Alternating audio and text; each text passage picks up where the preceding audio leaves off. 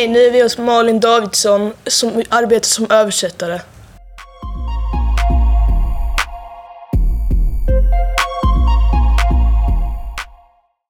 Har du gått på ett universitet för att bli översättare och i så fall vilket? Just det, ja men det har jag. det, ehm, om man ska bli översättare så ska man helst ha magisterexamen i översättning och den är ju en jag vet inte om ni kan universitetsstudierna, men för att få ta en magisterexamen måste man ju först ha tagit en kandidatexamen. Eh, och jag pluggade, efter gymnasiet pluggade jag till förskollärare. Och det är en kandidatexamen, så den hade jag i ryggen. Och sen när jag då ville bli översättare, då eh, läste jag in, man fick läsa in sina huvudspråk då. Så då läste jag in spanska, 90 poäng. Spanska är mitt huvudspråk. Det här blir ett långt svar, men det är ju så. Eh, och sen läste jag 60 poäng engelska på högskolenivå då. Och efter det kunde jag komma in på eh, översättarutbildningen i Lund. Så jag gick på Lunds universitet. Och för att få komma in så fick man också göra inträdesprov. Då får man sitta där lite stiff och skriva en översättning från spanska till svenska utan hjälpmedel. Och så får man även göra ett eh, språkriktighetsprov, alltså svenska. Det är viktigt att man kan svenska ordentligt när man ska översätta, för det är ju det språket jag skriver på. Så ja, jag har pluggat massor. Jag älskar att plugga. Vad är det du översätter och varför?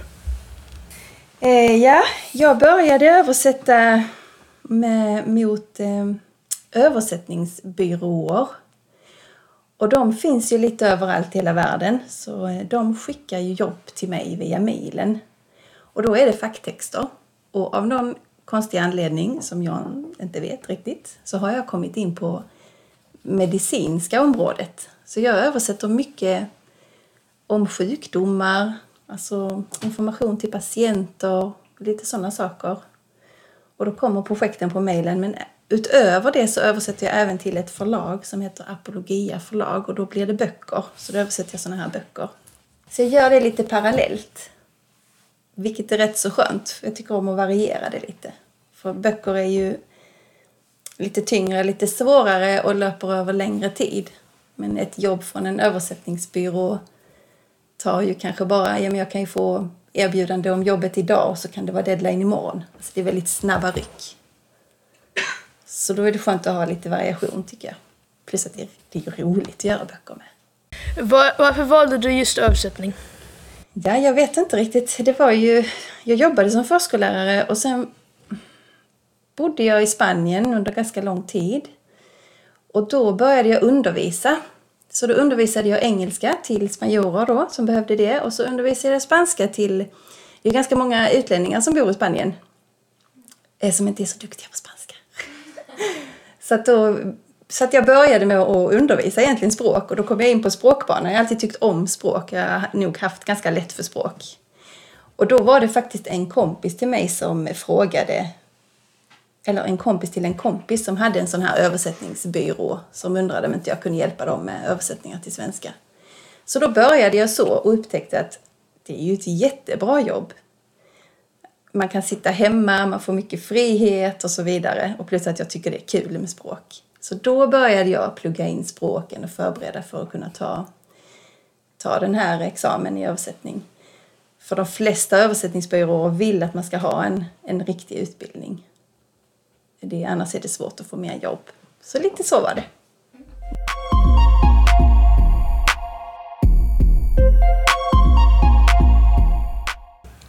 Hur tänker du för att få fram textens budskap? Alltså det där är ju... En, en bra översättare ska ju inte synas. Det är lite så jag försöker tänka. Att när du läser min text så ska du inte tänka på att den är översatt. För då har jag misslyckats. Så jag ska helst inte synas. Mitt, mitt yrke ska vara rätt så dolt. Eh, och, det, och det är ju svårare när man översätter böcker för när man översätter om sjukdomar eller så, det är rätt så, ja, men det är rätt så direkt ändå. Det, det, är inte, det inte, finns inte så mycket att leka med, utan det är rätt så raka budskap. Men det är väl den som är huvudtanken, att mitt jobb ska inte synas. Det ska inte synas att jag har varit och petat i texten. Utan det ska ju vara som en, det ska vara som en svensk skriven text, så att säga. Så, så brukar jag tänka. Hur mycket kostar en översättning? Oj, det är olika. När jag, jag får ju mina jobb via de här byråerna då. Så de betalar ju översättningen till mig, men sen skickar de ju även texten på korrläsning. Vilket är fantastiskt skönt tycker jag. Det är alltid ett par extra ögon som tittar på alla texter. Så att de tar ju av kunden, jag vet inte vad de kan ta, men jag tror att om jag kanske tar en krona ordet så tar de kanske två kronor ordet. Eh, det, ja, det känns lite konstigt kanske, med, men man brukar ta betalt per ord. Eh, så är det en text med 500 ord, vilket är ungefär en full A4, så blir det ju 500 kronor för mig. Men för kunden kanske det blir 1000. Hur länge har du hållit på med det här jobbet? Ja, men det är ju ett tag. Jag började nog översätta innan jag tog min examen och det var väl kanske runt 2006, 2007. Och sen tog jag min översättarutbildning 2011. Så sen dess har det blivit mer. Så innan dess var det bara lite ströjobb kan man säga. Så ja, 2011 på riktigt får man ju säga då.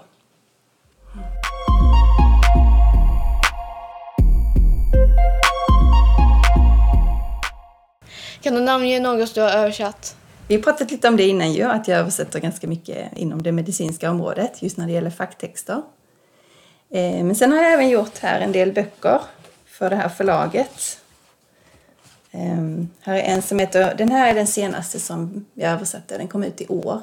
Den heter Kristen tro mot väggen, 12 tuffa frågor till världens största religion. Det här är förlaget som jag översätter för, det är ett kristet förlag, så det är kristna böcker.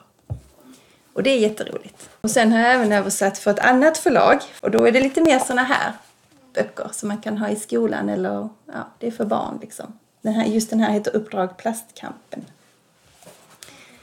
Eh, ja, vi kan titta på de här sen. Här är flera stycken. Trivs du med jobbet? Ja, jag tycker det här är jätteroligt. Eh, man måste kanske vara, man måste ju tycka om att vara själv om man ska jobba som översättare. För jag är ju ensam, det är ju bara jag. Eh, och jag sitter många timmar själv. Men jag älskar det. Dels tycker jag om att vara med text och dels har jag ganska stort behov av att vara ensam. Så om jag får vara ensam på jobbet så orkar jag med mina barn och mina vänner sen.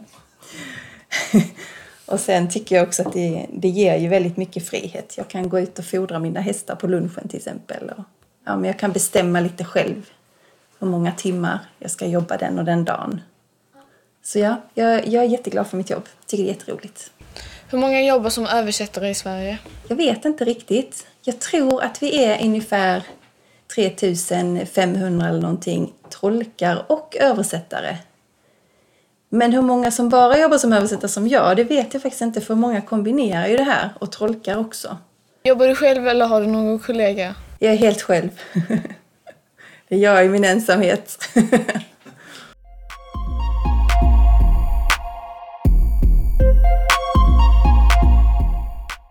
Tack för att vi fick komma hit Malin. Är det någonting mer du vill tillägga? Tack för att ni ville komma och träffa mig. Jätteroligt. Som jag sa innan så är det ju ett dolt arbete så det brukar inte vara så många som är intresserade. Så jätteroligt. Men ja, jag kan bara tillägga att det är ett jättekul arbete. Verkligen. Tack.